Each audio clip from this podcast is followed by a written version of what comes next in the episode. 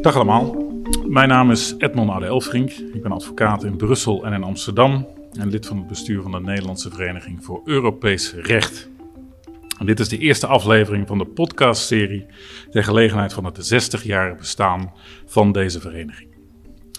Uh, in de eerste aflevering staan we stil bij de oprichting van de vereniging op 25 september 1960 en de evolutie die in de 60 jaren daarop volgde. En ik doe dit samen met vertegenwoordigers van drie generaties van leden van de vereniging.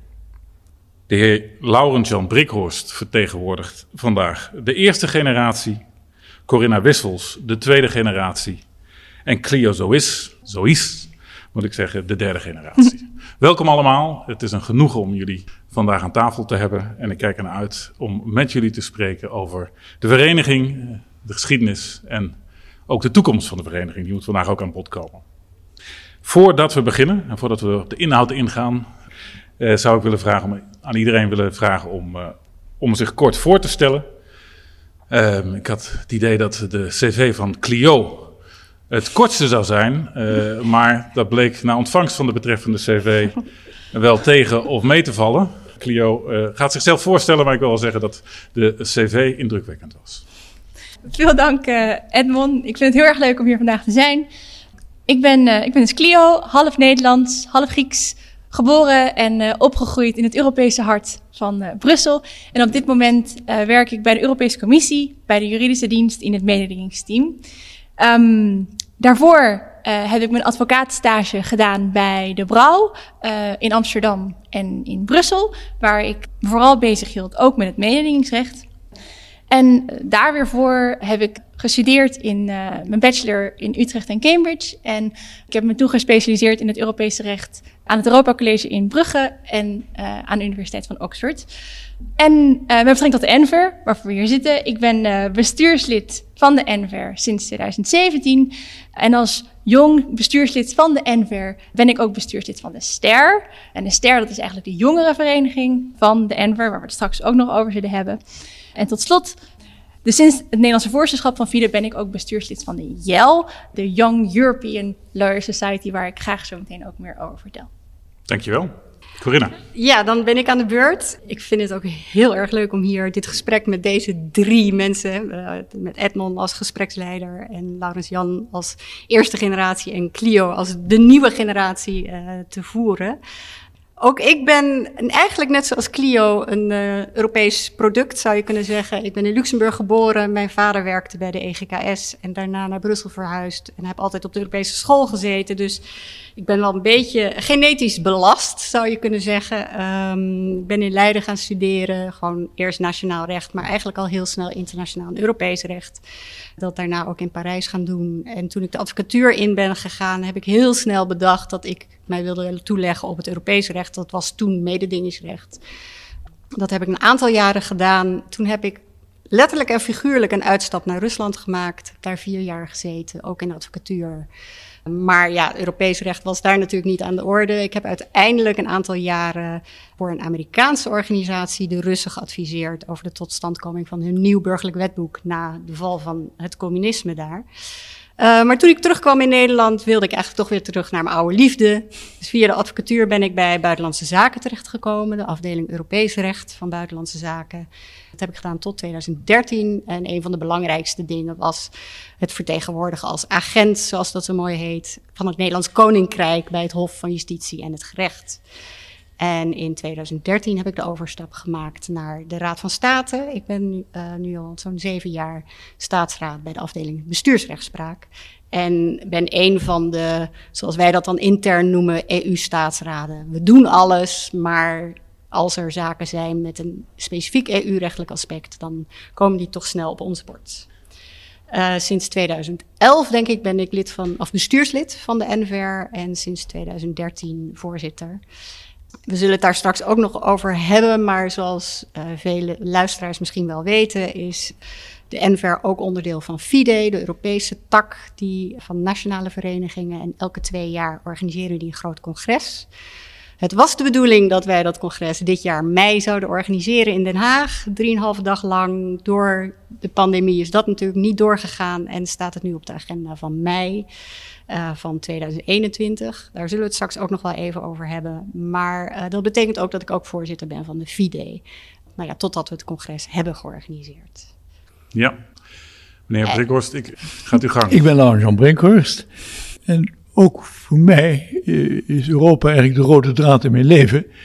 Hoewel toen ik begon te studeren het Europese recht nog helemaal niet bestond. Ik heb gestudeerd van 54 tot 59 in Leiden. Ik heb was opgericht maar er waren geen, colleges Europees recht. Ik ben dus begonnen in de Verenigde Staten. Ik heb een beurs gehad voor Columbia University. Heb daar eh, anderhalf jaar een masters degree gedaan. En daarna in de advocatuur. En had helemaal niet het idee om terug te gaan naar Europa. Ik was eh, bezig gewoon een bar exam voor te bereiden in New York. Totdat Sam Kalde, de eerste voorzitter van de Vereniging voor Europees Recht, net aangesteld als hoogleraar internationale organisaties en Europese organisaties, mij vroeg om in, in naar Leiden terug te komen. En de, ik ben toen geworden de eerste secretaris van wat nu nog steeds heet de Common Market Law Review. Maar die oorspronkelijk bedoeld was, die heette de European Community Law Review. Daar zie je aan dat 50 jaar geleden de Engelsen ook dachten, we treden in tot een common market toe en niet tot een European Community. Er is in die zin niet veel veranderd. Uh, als ik mijn, mijn eh, leven eigenlijk bekijk, uh, dan is het in drie grote delen onder te delen. Ik heb een derde van de tijd als wetenschapper gewerkt in Leiden en in Groningen.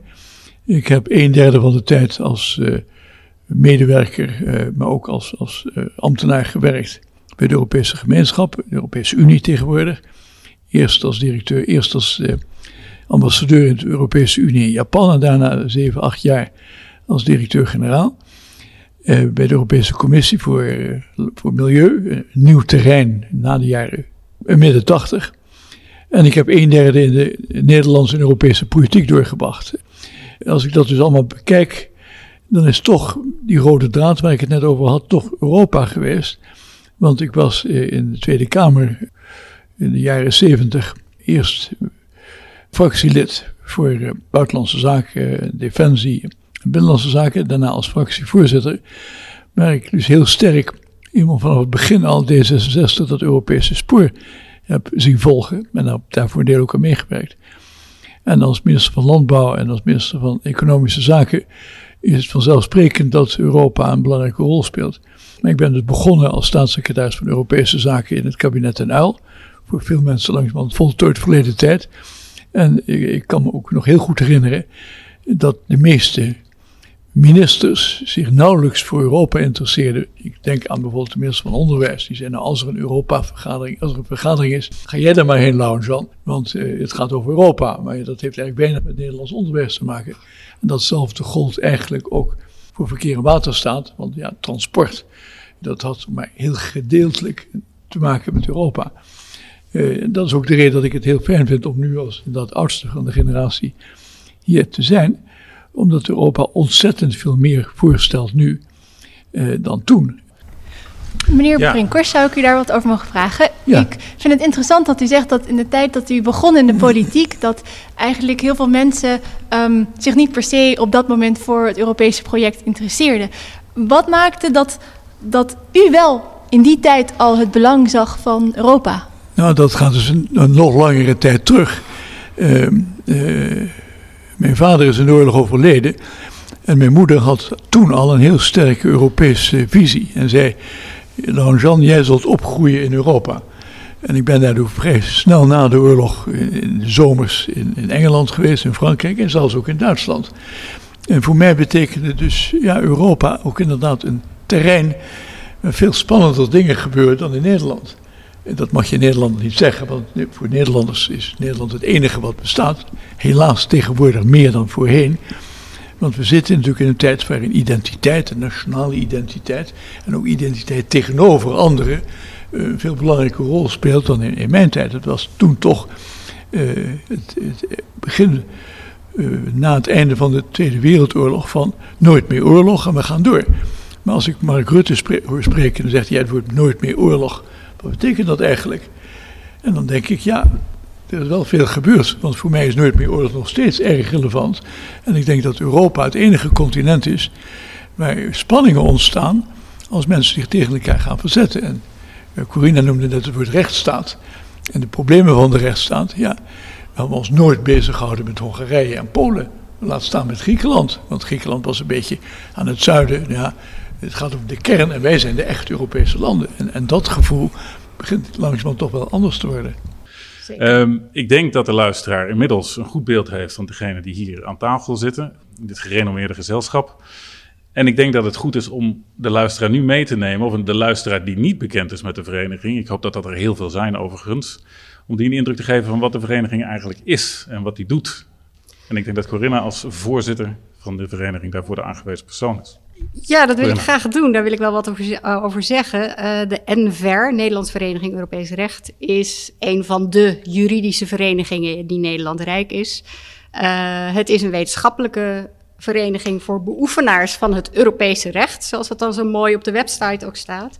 En als je in de statuten kijkt, dan heeft de vereniging een tweeledig doel.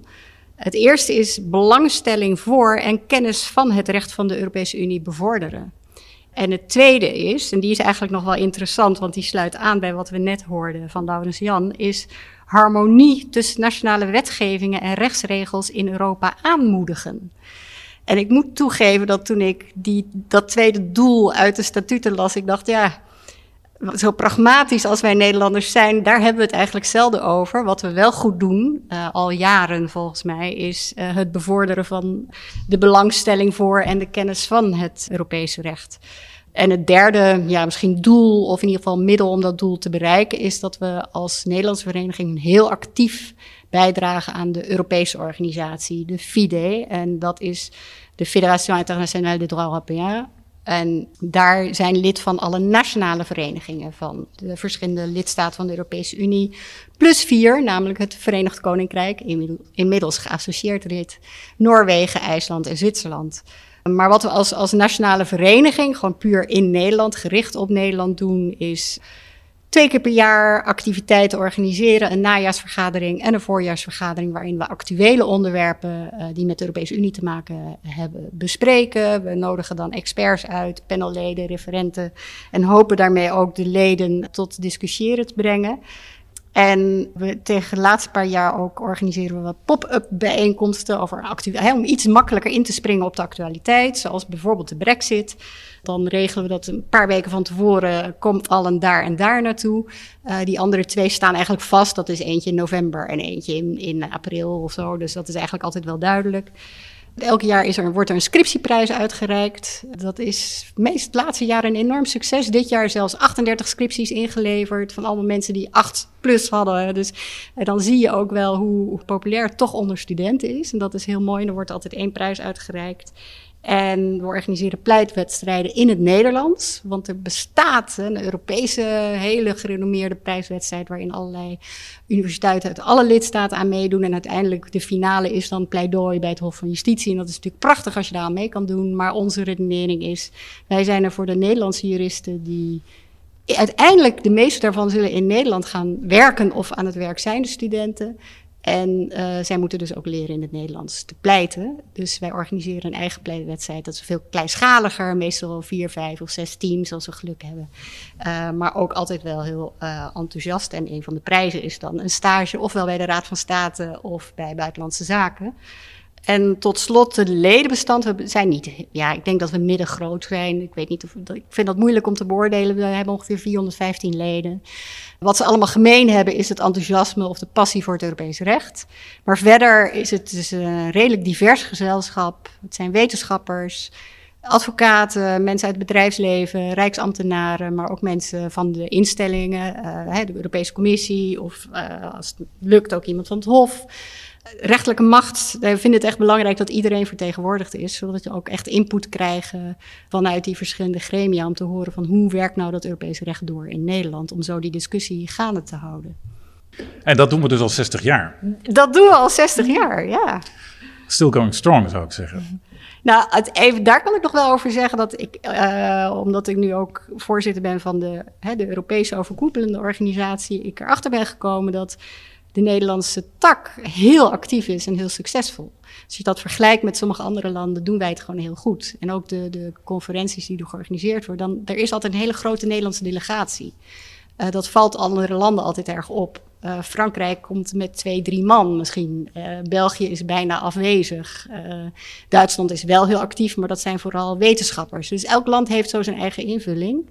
Maar met, kijkt altijd met enige jaloezie naar hoe wij het georganiseerd hebben en hoe actief we zijn. We schrijven ook altijd nationale rapporten in werkgroepverband. Dus dat is ook heel democratisch. Iedereen die mee wil doen aan het schrijven van een nationaal rapport mag meedoen. Dat is in andere landen ook wat meer top-down. Voor de luisteraar, nationale rapporten in het kader van FIDE worden geschreven door ja, FIDE organiseert elk jaar of elke keer de, meestal drie thema's. institutioneel thema, een actueel thema en een iets op economisch terrein. En dan wordt er een, uh, een, een, algemeen rapporteur aangewezen die met questionnaires komt. Van hoe wordt dit onderwerp, bijvoorbeeld iets over staatssteun, in jullie land nu toegepast en, en uitgevoerd? En dat daar worden dan nationale rapporten over geschreven.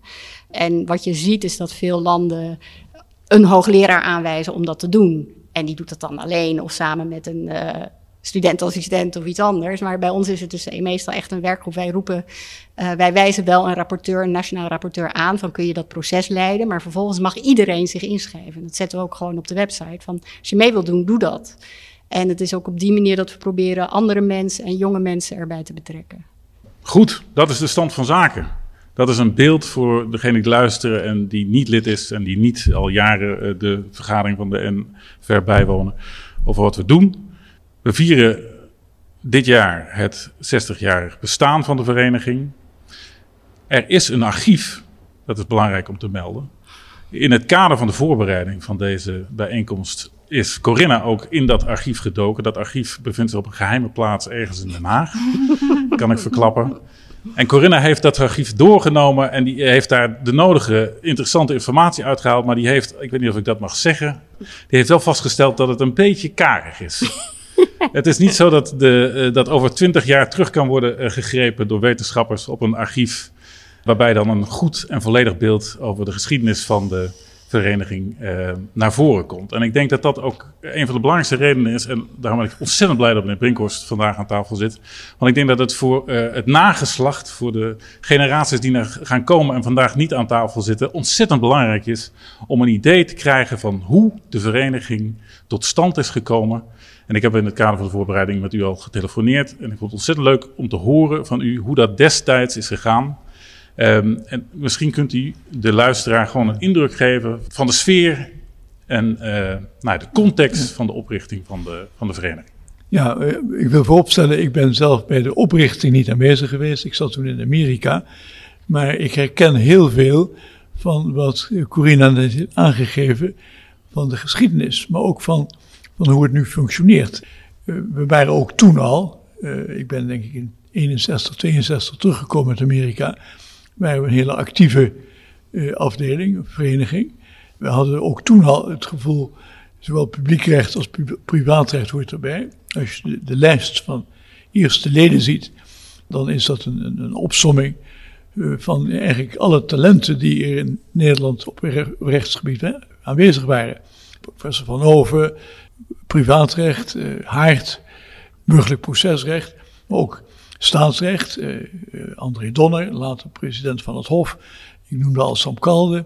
Berkeld Bisdom, de, de oprichter van wat later het kantoor de Brouw is geworden.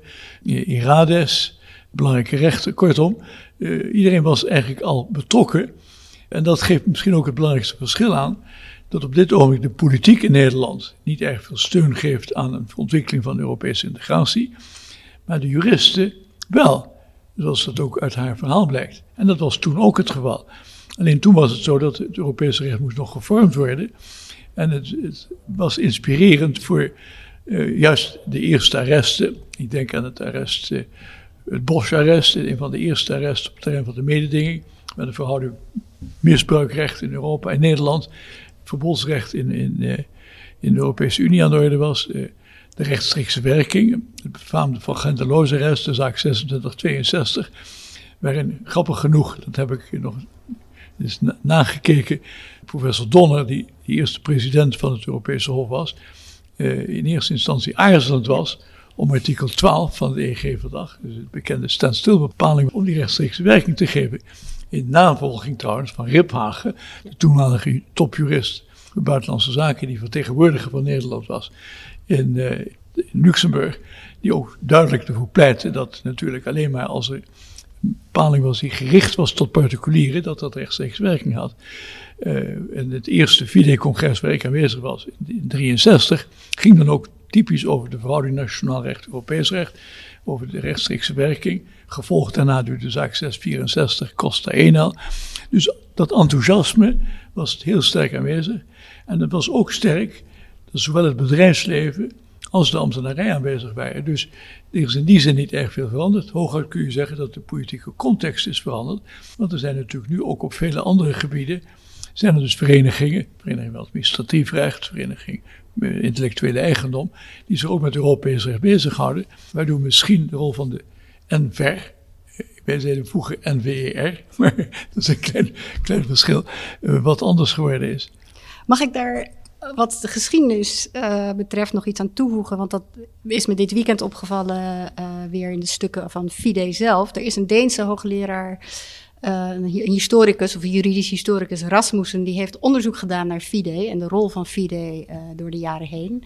Hij heeft ook een aantal jaar geleden diezelfde archieven die ik, dit week, die ik vorige week heb bekeken, ook onderzocht om te kijken of daar iets interessants uit te halen was. Maar wat hij heeft geschreven daarover is met name dat het FIDE-congres in 1963 in Den Haag, wat inderdaad ging over de rechtstreekse werking, ja, dat, dat, hij ziet FIDE echt wel als een soort motor achter de prejudiciële verwijzing door de Nederlandse rechter hm. van in de zaak van Gens en Loos. Want hij zegt dat iedereen die daarbij betrokken was bij de voorbereiding van het FIDE-congres, daar zaten dus ook die rechters bij en die dachten toen, hé, hey, laten we daar vragen over stellen. Dus dat is hoe hij dit heeft geïnterpreteerd. Ik weet niet of het waar is, maar ik vond het wel mooi om te zien. En waar hij ook op wijst is dat het congres twee jaar later in Parijs dat ging over de doctrine van hè, de voorrang van het Unierecht. En dan constateert hij dat FIDE dat beginsel of die doctrine heeft omarmd. Dan zie je ook dat FIDE een wat ja, bijna activistische rol had in het begin dan dat het nu misschien heeft. In ieder geval hoe wij, de Nederlandse tak, het dan ziet. Het is heel goed dat, dat Corina dat, dat even aangeeft. Want ik geloof dat inderdaad degenen die daar toen betrokken waren zichzelf heel sterk zagen als uh, de voorhoede van wat er later in bredere kring in Europa zou plaatsvinden.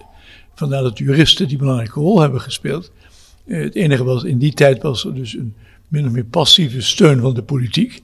En die passieve steun van die politiek zie je in de meeste Europese landen nu minder, omdat er natuurlijk ook duidelijk anti-Europese bewegingen en politieke partijen zijn ontstaan. Maar de juristen zagen, ja, wij zijn in de voorhoede uh, misschien een grappig detail. Uh, ik ben in 66 hoogleraar Europees recht geworden in Groningen. Het was de eerste hoogleraar Europees recht. En uh, ik heb toen de plaats ingenomen van een zeker professor Imhoff, die daarvoor het oud-vaderlandsrecht doseerde. en, en, ik zei altijd, ja, het, het Europese recht is eigenlijk het moderne Romeinse recht. Hè, wat natuurlijk toch voor kandidaatsjuristen altijd al aan de orde, aan de orde was. Mag ik nog één ding toevoegen als wat ook Rasmussen signaleerde en waarvan ik zelf ook dacht, oh ja, dat, dat klopt nog steeds, um, is dat hij FIDE vanaf het begin zag als belangrijke bron en dus ook de nationale hè, verenigingen juist, als belangrijke bron voor informatie voor de juridische dienst van de commissie over hoe het unierecht in de lidstaten wordt ontvangen en toegepast. En dat is ook de reden waarom zowel commissie als het Hof FIDE en die nationale verenigingen warm hart toedragen. Het is ook altijd zo dat als we mensen uitnodigen om te komen spreken, ze eigenlijk altijd ja zeggen.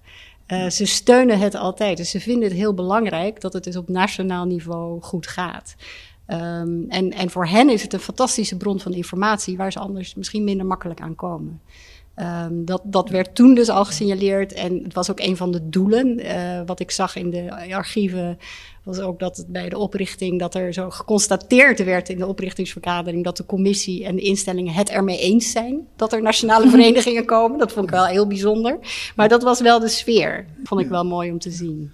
Wat misschien ook wel grappig is, is dat die eerste arresten, eh, dat die voortkwamen uit prejudiciële vragen door wat betrek ik uh, minder bekende rechters. De, uh, de tariefcommissie in Nederland is nog niet wat je noemt een van de rechters die het meest naar voren komt. En de Italiaanse rechter die de Costa Enel aan uitlokte, was een hele lage Italiaanse rechter. Maar misschien dat dat Theo iets daarover kan zeggen, hoe dat nu, nu heet. Maar in ieder geval, uh, het was duidelijk dat de hoogste rechters in, in eerste aanleg vaak ook gereserveerd waren.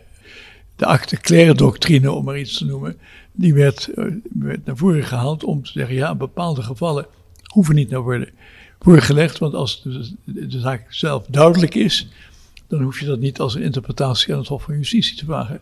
En de, tarief, de tariefcommissie was nauwelijks bekend in Nederland.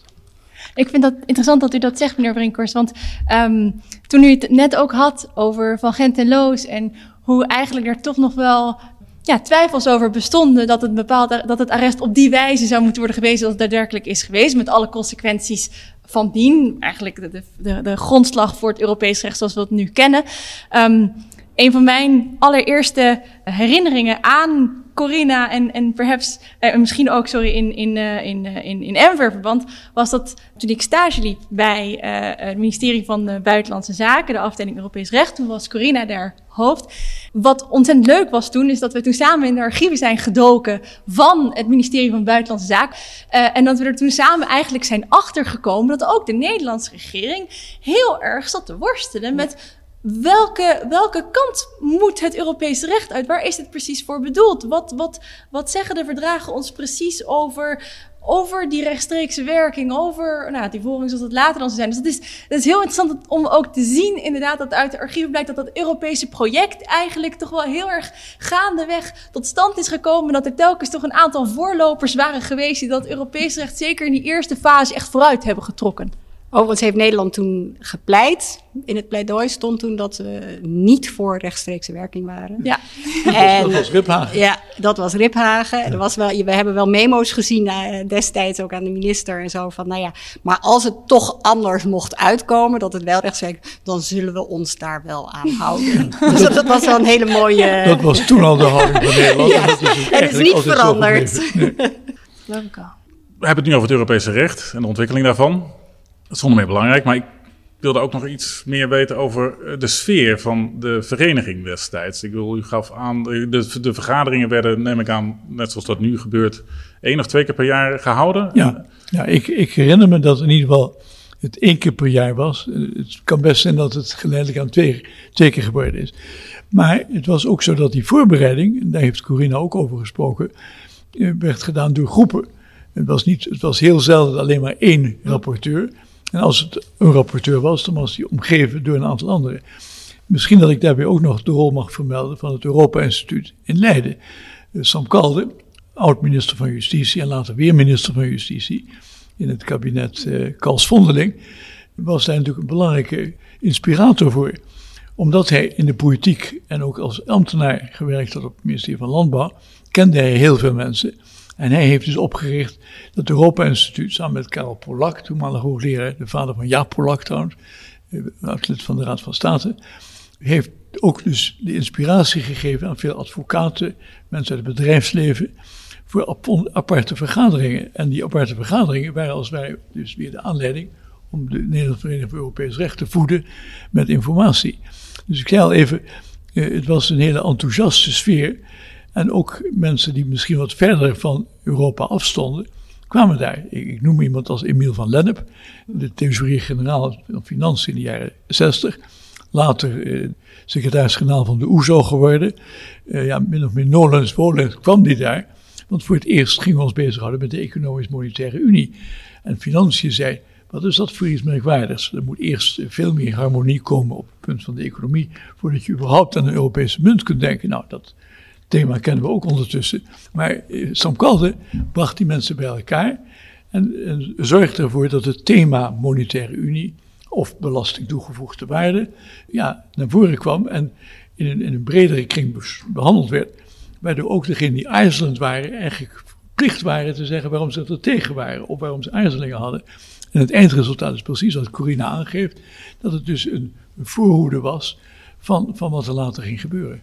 Waarbij een soort, soort gevoel bestond van we gaan, gaan de wereld veranderen. Ja, een beetje wel. Dus misschien wat de wereld veranderen. We leefden natuurlijk in het duidelijk uh, hoogtepunt van de Koude Oorlog. Uh, Oost versus West. Een heel belangrijk punt was, dat speelt nu rond Trump natuurlijk in Amerika. Uh, Amerika was een enorm groot voorstander van Europese samenwerking. Dat kwam omdat West-Duitsland lid van de NAVO moest worden. Ook een bijdrage zou zijn om tegenover Rusland of de Sovjet-Unie uh, de Europese verdediging tot stand te brengen. En het merkwaardige is dat ook daar Nederland in het begin helemaal niet voor was. Wij waren eerst niet erg voor dat een Europese defensiegemeenschap zou, zou komen. En we werden toen gewaarschuwd door de Amerikanen dat het nuttig was dat we mee zouden doen. Maar ik herinner me nog heel goed dat Nederland heel opgelucht was dat onder de Franse leiding, Mendes France, destijds de premier in Frankrijk, eh, het parlement in Frankrijk zei: Nou, nee, geen defensiegemeenschap. Uh, want, want, we willen per se niet dat het Franse leger opgaat in het Europese leger. Nou, daar waren we heel blij mee. En toen waren we ook blij dat de West-Europese Unie kwam. Maar al dat soort thema's speelden ook wel rond die Europees, dat Europa-instituut. Later het Europa-instituut in Utrecht gekomen, later in andere landen en in andere steden. Maar het Europa-instituut in Leiden van Sapkalde heeft daar ook een hele belangrijke inspiratie voor gegeven. En wat, wat de rol van Nederland betreft, we hebben het al over de ontwikkeling van het recht gehad. Maar ik, wat mij opviel is dat Nederland niet de eerste was die de verenigingen oprichtte. Dat het eigenlijk, dat we bepaald geen voortrekker zijn geweest. Uh, ik had het eigenlijk verwacht om een of andere reden, maar dat is misschien de, de, de, de Nederlandse arrogantie die, uh, die mij parten speelt. En ja, ik was dus verrast om te zien, dat was de, de informatie die ik dus uit het archief uh, uh, vernam, dat Nederland na België, Frankrijk is gekomen. En nou, ook verrassend dat de Duitsers ook niet voorop liepen, wat, wat gewoon de organisatie van een vereniging betreft.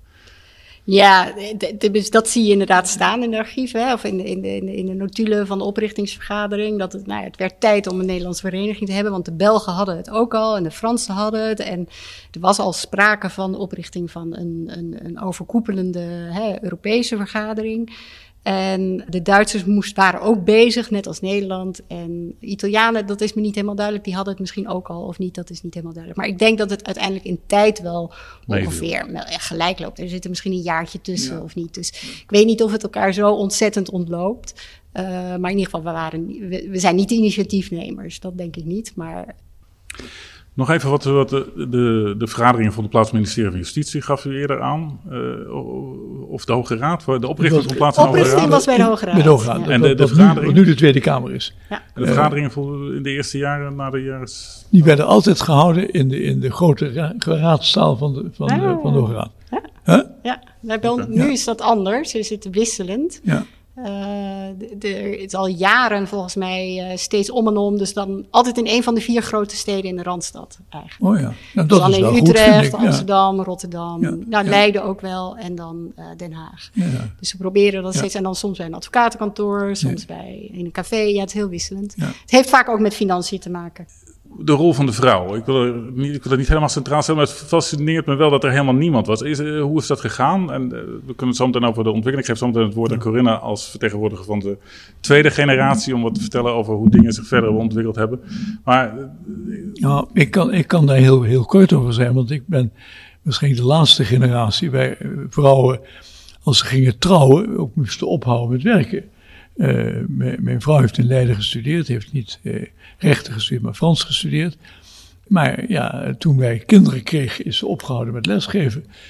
En de niet getrouwde vrouwen van haar jaarclub, die hebben allemaal carrière gemaakt. Nou, ik zal daar geen naam over noemen. Er zijn drie of vier nu ook wat oudere dames die, die ja, een, een belangrijke rol hebben gespeeld bij het eh, opgooien van functies voor vrouwen. Dat is in Nederland echt niet veel sneller dan in andere landen geweest. Integendeel, ik denk ten opzichte van de Belgen bijvoorbeeld, zijn we nog steeds achter. Ja, ik denk dat het, misschien kan jij dan vertellen eh, hoe, hoe uh, je bent, uh, als ik dat mag zeggen, eind jaren 80 lid geworden. Van ja, de... ja, ik ben, ja, ik weet het niet precies, maar ik denk dat ik in 88 of 89 lid ben geworden. Ik was toen echt beginnend advocaat, zat toen in Brussel, in het kantoor Brussel.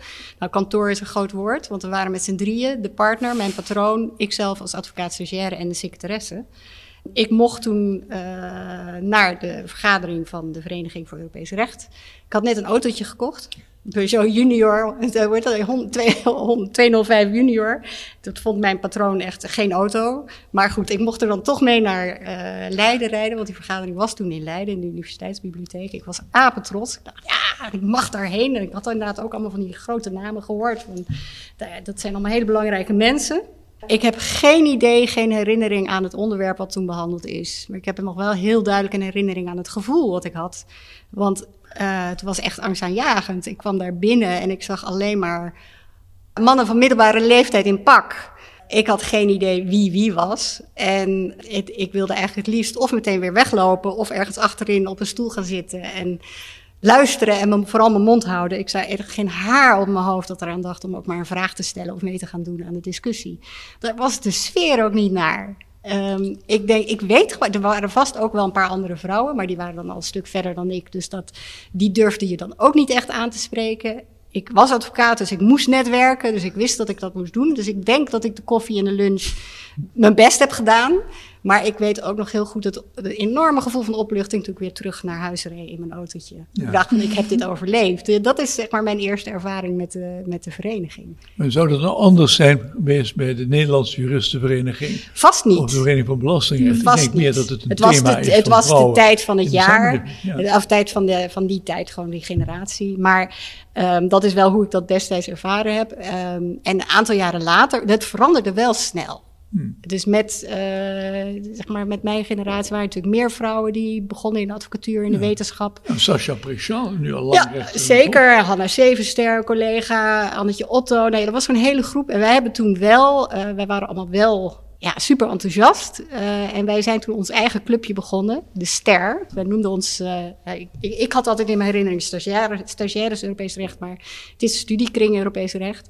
En uh, dat had niets met de Nederlandse vereniging te maken, maar wel, dat had meer te maken, het was een reactie op de advocaten en wetenschappers die elke maand of zo in Leiden bij elkaar kwamen en zich de kartelgroep noemden en dan over het kartelrecht gingen discussiëren. En wij dachten, nou dat kunnen wij ook. Dus wij hebben dat als jonkies, we waren allemaal twintigers toen, hebben we dat ook gedaan. Dat vonden onze patronen niet zo'n goed plan, want wij zouden eigenlijk waarschijnlijk helemaal niet zo interessante dingen tegen elkaar te melden hebben, maar we deden het toch. En dat is een beetje het begin geweest van wat nu nog steeds de ster is en wat nu wel een onderdeel is van de uh, Nederlandse Vereniging voor Europees Recht. En dat is echt die generatie. Het is ook niet voor niets dat het allemaal vrouw, voor een groot deel vrouwen waren. Wij vonden gewoon, nou, als, als we niet mee mogen doen, dan doen we het zelf. En ook in de periode dat Annetje Otto en Hanna Zevenster in het bestuur zaten, en ook Sascha Pregal van de Nederlandse Vereniging, is dus de ster, is dat eigenlijk weer heropgericht en gezorgd dat er een jongere afdeling komt die ook echt aan uh, de NVR gelieerd is. Maar voor Clio is het toch een totaal herinnering Nou ja, van de geschiedenis. Absoluut. Ik, ik, vind anders. dit, ik, ik, ik vind het super interessant om dit allemaal te horen. Want uh, bijvoorbeeld de ervaring zoals Corinna die beschrijft van een vereniging met allemaal mannen in pak. Nou, ja, dat, dat verschilt gewoon radicaal van de Enver die ik ongeveer vijf jaar geleden beter heb leren kennen. Um, ik, ik kwam eigenlijk binnen en dat vind ik echt in een, in een heel goed geoliede machine. Er is gewoon een, een, een, een vaste voorjaarsvergadering, een najaarsvergadering, maar ook een super divers ledenbestand. Als je, die, als je onze uh, activiteiten bezoekt, je hebt mensen uit allemaal verschillende, uh, allemaal verschillende type beroepsbeoefenaars, rechters, advocaten, academici, mannen, vrouwen, jong, oud, studenten ook erbij. Dus het is, ik ben echt ja, ik, ik kwam echt terecht in een, in een machine waar ik jullie eigenlijk allebei heel erg dankbaar voor moet zijn. voor zowel de oprichting als soort van de, de revolutionaire slag die dan heeft plaatsgevonden.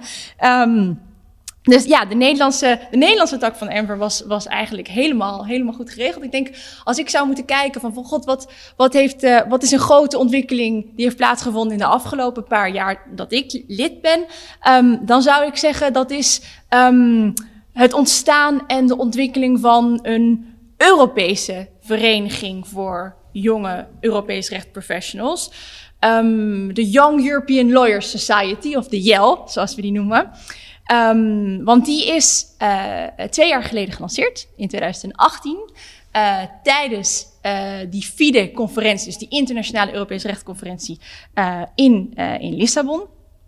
En sinds Lissabon hebben wij eigenlijk onder het Nederlandse rolerende voorzitterschap dus van, uh, van dat FIDE, hebben, hebben wij de STER, de, jongeren, de Nederlandse jongerenvereniging van de Nederlandse Vereniging voor Europees Recht, um, die JEL eigenlijk weet je, overgenomen, het voorzitterschap daarvan overgenomen. En we hebben de afgelopen jaren echt geprobeerd die JEL te institutionaliseren en dat netwerk verder uit te bouwen. Dus um, we hebben uh, besloten dat er elk jaar een heel groot JEL-evenement plaatsvindt.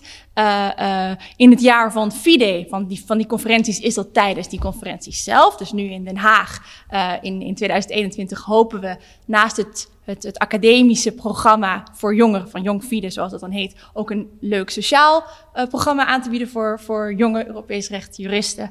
Um, maar dus ook in de jaren dat er geen videoconferentie plaatsvindt, hopen we uh, uh, elk jaar een groot evenement plaats te laten vinden in Brussel, waar toch ook heel veel jonge beroepsbeoefenaars van alle, alle Europese nationaliteiten zitten. En dat hebben we bijvoorbeeld gedaan in, uh, in 2019. Hebben we een, een heel mooi congres georganiseerd in, bij een aantal grote advocatenkantoren in, in Brussel. Dus ik zou zeggen, ja, ik heb de vereniging echt op een hele andere manier aangetroffen dan meer Brinkhorst en, en, en Corinna. Ja. En ik denk misschien op onze in onze generatie dat, dat, dat wij op onze beurt weer daar een extra internationaal steentje aan proberen bij te dragen. Ik wil twee dingen bespreken.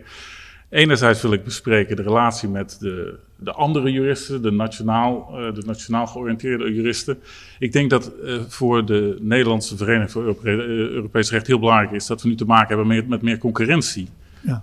waar het het Europese recht betreft. Want helaas is het niet meer zo dat we uh, het hele uh, acquis beheersen en ook dat kunnen toepassen. En het is nu zo dat andere rechtsgebieden natuurlijk net zozeer beïnvloed zijn. En dat binnen de betreffende rechtsgebieden en de beroepsgroepen die zich daarmee bezighouden, het Europese recht een hele prominente rol is gaan spelen. Nee, ik zeg niet helaas. Ik vind het heel positief dat het zo is.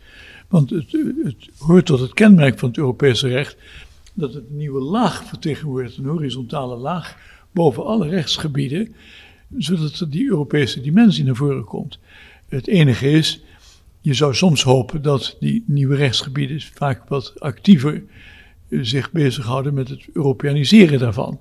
Uh, uh, je, je, krijgt bijvoorbeeld bij de Vereniging van Staatsrecht toch het gevoel van, ja, het moet blijven zoals het is. En iedere gedachte van federalisering van Nederland in Europees verband moeten we tegenhouden. Maar dat heeft meer met politieke processen ja. te maken, met de puur juridische processen. Eigenlijk wil ik het provocerende vraag stellen of, of er nog wat toekomst is voor de ja. vereniging. Ja, dat is een hele goede vraag. Mevrouw de voorzitter. uh, het antwoord is natuurlijk uh, ja, uh, er is toekomst. Maar het is, het is absoluut een terechte vraag. En hij, ongeveer een jaar geleden heb ik hem ook besproken met de voorzitter van de Belgische Vereniging voor Europees Recht.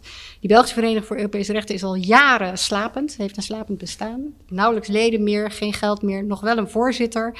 En hij is nog steeds voorzitter omdat hij, zoals hij het zelf zegt, het licht niet wil uitdoen. En dat is, dat is de vereniging in België, waar dus de, hè, de, Europese Commissie en andere instellingen gevestigd zijn. Dus dat is nogal verbazend. Maar een van de redenen die hij aangaf was: we hebben te veel concurrentie van de andere verenigingen. Die dus gespecialiseerd zijn op een bepaald gebied. Bijvoorbeeld de Vereniging voor Mededingingsrecht, of uh, intellectuele eigendomsrecht, of asiel en migratie.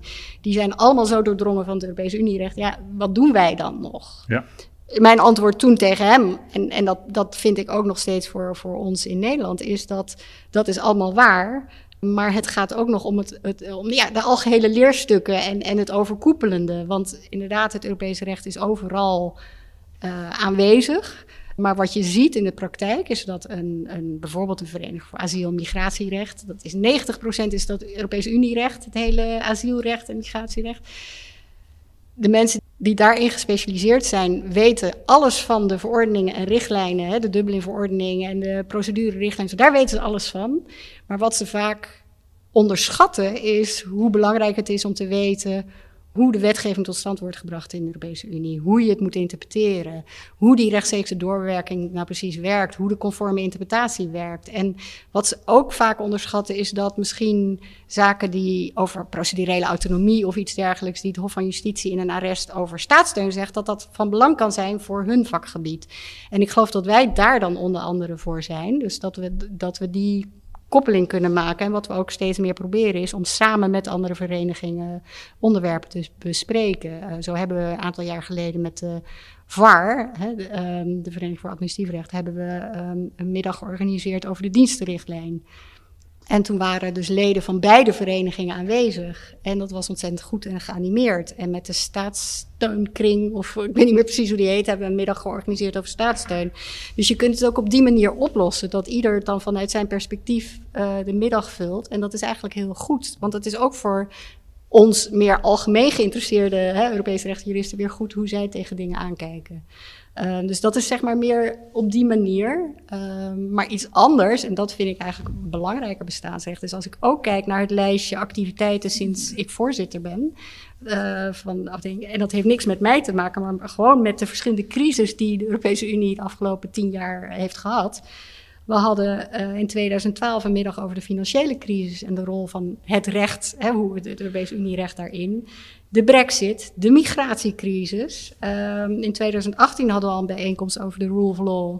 Uh, en wat er in Polen aan de hand was. En toen hadden we de Poolse uh, hoogleraar en oud-hoogste rechter Biernat uh, over de vloer om te vertellen wat daar gebeurde. Weer de brexit. En ik denk voor volgend jaar zullen we echt COVID 19, de pandemie, wat de rol van de Europese Unie was. En of hij zal een onderwerp zijn. En een ander onderwerp zal toch ook weer de rule of law zijn.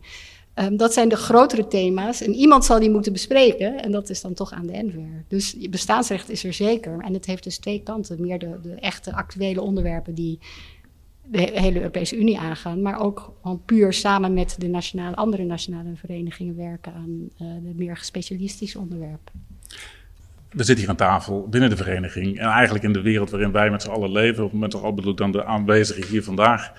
Uh, wij vinden Europa ontzettend belangrijk. En uh, we, zijn, we zijn helemaal voor. En we kunnen ons, althans, ik ben het helemaal je eens. Ik kan me niet voorstellen dat dat wat er nu gebeurt, het Verenigd Koninkrijk, dat dat goed, dat dat goed voor het Verenigd Koninkrijk is. Mm. Of voor de Europese Unie. Um, maar goed, dat is natuurlijk. En we leven in een kleine bubbel wat dat betreft. En ik wil het eigenlijk stel me de vraag, en ik stel die vraag ook gewoon daar waar het de toekomst van de vereniging betreft. Moeten we niet wat politieker de zaak aanvliegen? Moeten we, we hebben niet een, voor zover dat niet gebeurt, want wij zijn heel juridisch bezig met z'n allen. Alles, alle, alle bijeenkomsten die je zes opzonden. Het zijn natuurlijk fenomenale bijeenkomsten over relevante thema's op een enorm hoog niveau ten behoeve van de rechtsontwikkeling. Mm. Ik denk dat we boodschappen meegeven aan, aan, juristen die dan vervolgens weer worden gebruikt of niet. Maar dat is een nuttige bijdrage aan de samenleving. Maar moeten we niet, gelet op datgene wat er nu gebeurt, en ik kijk meneer Brinkhorst nu nadrukkelijk aan, uh, moeten we niet als vereniging een soort agenda hebben? Moeten we niet de boer op om ook uh, de boodschap van Europa en het belang daarvan aan anderen dan de juristen, eh, dat beperkte wereld waarbinnen wij dan opereren, over te brengen. Ja. misschien omdat ik aan verschillende kanten heb gestaan, als jurist, als politicus en als ambtenaar, denk ik dat het van, vanzelf gebeurt. Als je kijkt naar de geschiedenis, dan is altijd een crisis nodig geweest om Europa verder te brengen. Dat begon al in 65, 66, toen generaal de Gaulle tegenstander van was dat de gemeenschappelijke landbouwpolitiek ook min of meer Europees gefinancierd zou worden. Uh, er is toen een akkoord van Luxemburg geweest over de betekenis van het vetorecht. Uh, en de Fransen zeiden het vetorecht moet altijd bestaan. En de anderen zeiden we gaan zo lang mogelijk door met het vetorecht, maar uiteindelijk moet er gestemd worden. En dan zie je dat in de jaren tachtig toen uh, Mrs. Thatcher aan het bewind kwam, de Europese interne markt gekomen is, omdat uiteindelijk Engeland toch een gekwalificeerde meerderheid accepteerde voor de interne markt. En nog wel onder leiding van de toenmalige commissaris, een Brit, die dus de interne markt ging doen. En zo is het eigenlijk altijd gegaan. We hebben nu kort geleden de discussie gehad over het herstelfonds. Duitsland heeft jarenlang tot verbazing van Nederland zijn ze om, door de bocht gegaan.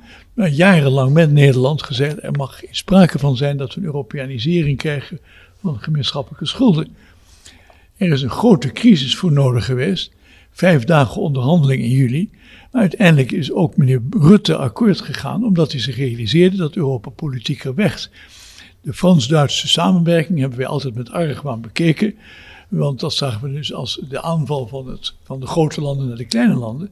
Maar de realiteit is natuurlijk dat zonder Frans-Duitse samenwerking Europa inderdaad nergens zal komen. Dus ik ben het er wel mee eens dat de Vereniging Europees Recht ook die politieke dimensie altijd moet meenemen. Maar ik denk dat de, de, de maatschappelijke krachten, of het nou het bedrijfsleven is, of, of de belastingorganisaties, of financiën, geleidelijk aan een Europeanisering krijgen. En met name nu zie je dat heel sterk, omdat Amerika en China en Rusland geen van allen voorop staan om de belangen van Europa te beschermen. Dus ik vind het heel goed, maar ik denk dat het vanzelf wel gebeurt. Ik ben dus iets optimistischer over het feit dat de crisis altijd tot versterking van Europa leidde en niet tot verzwakking. Dat zijn mooie woorden. Ja, zouden we eigenlijk bijna bij willen stoppen. Ja, ik zou je moeten, moeten stoppen. Uh, Niettemin uh, nodig ik uh, de anderen uit om daar nog wat van te zeggen, over te zeggen. Ik denk in ieder geval dat je niet moet, dat je moet blijven doen wat we nu ook doen. Dus op dat hoge niveau de juristen, de, dus de kennen, de, de, het enthousiasme voor het Europese Unierecht en de kennis ervan vergroten, het enthousiasme ervoor vergroten. En zorgen dat dat zo breed mogelijk wordt, zodat inderdaad het veel mensen die dan daarna terug naar hun werk gaan, het ook goed kunnen toepassen en het op die manier al gebeurt. Uh, dan verbreed je het, maar dat is natuurlijk nog niet het politieke ervan. Ik, ik moet zeggen dat ik tot nu toe heb ik me daar altijd wat, dacht ik, ik hou me bij mijn leest. Um, en is dat misschien niet toch aan anderen? Wat niet wegneemt dat de thema's die we kiezen, uh, we, we, leven in die politieke wereld en dat de thema's die we kiezen daar natuurlijk wel verband mee Precies. houden. Ja. Dus ik denk op die manier, maar dit is inderdaad, uh, het is wel iets wat een interessante discussie binnen het bestuur kan opleveren en misschien ook wel een keer een vraag met de leden. Clio. Uh, ja, ik, ik ben eigenlijk heel erg overtuigd van het belang om, een, om nog steeds een Nederlandse vereniging voor Europees recht te hebben, waar een, een debat, een nationaal debat ook wordt gevoerd met internationale aspecten, met internationale samenwerking, et cetera. Maar dat het echt een juridisch debat is voor zowel de ontwikkeling van, de, van het Europees recht als voor ja, de, de, de jonge generatie, om daar een voorbeeld voor te geven. Ja. Dankjewel. Dat zijn allemaal inspirerende woorden. ik uh, dank iedereen voor de aanwezigheid. Meneer Brinkhorst, het is een eer en een genoegen geweest om uh, met u aan tafel te mogen zitten en over de NV te mogen, te mogen spreken. Hetzelfde geldt voor Corinna en voor Clio. Jullie zien we wat vaker, maar het was desalniettemin een enorme eer en genoegen. En we zagen elkaar weer eens. We zagen elkaar weer eens. Het is uh, um, ook, ook een, een groot voordeel voor de luisteraars. Voor degene die de Nederlandse Vereniging voor Europees Recht al kende, er misschien al lid van waar, uh, zal ik niets nieuw vertellen als, als ik zeg dat er een, mooie website is uh, waar informatie over de vereniging op staat. Voor degenen die luisteren en denken nu, god, dat is misschien best wel interessant die vereniging. Diepe personen uh, verwijs ik met name naar de, de website www.nver.nl. Ik wijs erop dat in 2021, als alles goed gaat, er een jubileumbijeenkomst wordt gehouden Tijdens die bijeenkomst zal er worden gesproken over drie, de drie belangrijkste unierechtelijke ontwikkelingen in de afgelopen 60 jaar. En om te bepalen welke drie ontwikkelingen de belangrijkste zijn, uh, is er een sondage, een enquête gehouden. Ik weet eerlijk gezegd niet of die al is. De, de, de enquête was al verstuurd naar de leden uh, twee maanden geleden. Er zijn iets van een kleine 50 antwoorden binnen. Uh, heb ik vanochtend gehoord. Dus we gaan nog een keer een oproep doen, want we willen wel meer antwoorden uh, van leden. We willen dus ook een democratisch proces, dat de mensen kunnen aangeven wat zij de drie belangrijkste ontwikkelingen vonden. Uh, en dan, als we alles binnen hebben, gaan we beslissen waar de jubileumbijeenkomst over zal gaan. Laatste opmerking is dat dit een eerste aflevering in een serie is. Wij hebben met, met z'n vieren vandaag gesproken over de vereniging en de historie daarvan. De komende twee afleveringen die zullen worden georganiseerd, die zullen een iets andere insteek hebben. Uh, in de zin dat daar meer inhoudelijk wordt gedebatteerd over ontwikkelingen in het recht. Waarbij, uh, uh, zoals we zojuist zeiden, dat ze enorm belangrijk zijn en waarvan het belang van het bespreken ervan ook heel belangrijk is. Daar verwijzen we naar. Ik dank de luisteraars voor de aandacht en ik dank nogmaals en in de laatste plaats de deelnemers. En ik hoop dat wij elkaar in goede gezondheid weer zullen zien heel snel. Dank u wel. Heel veel dank.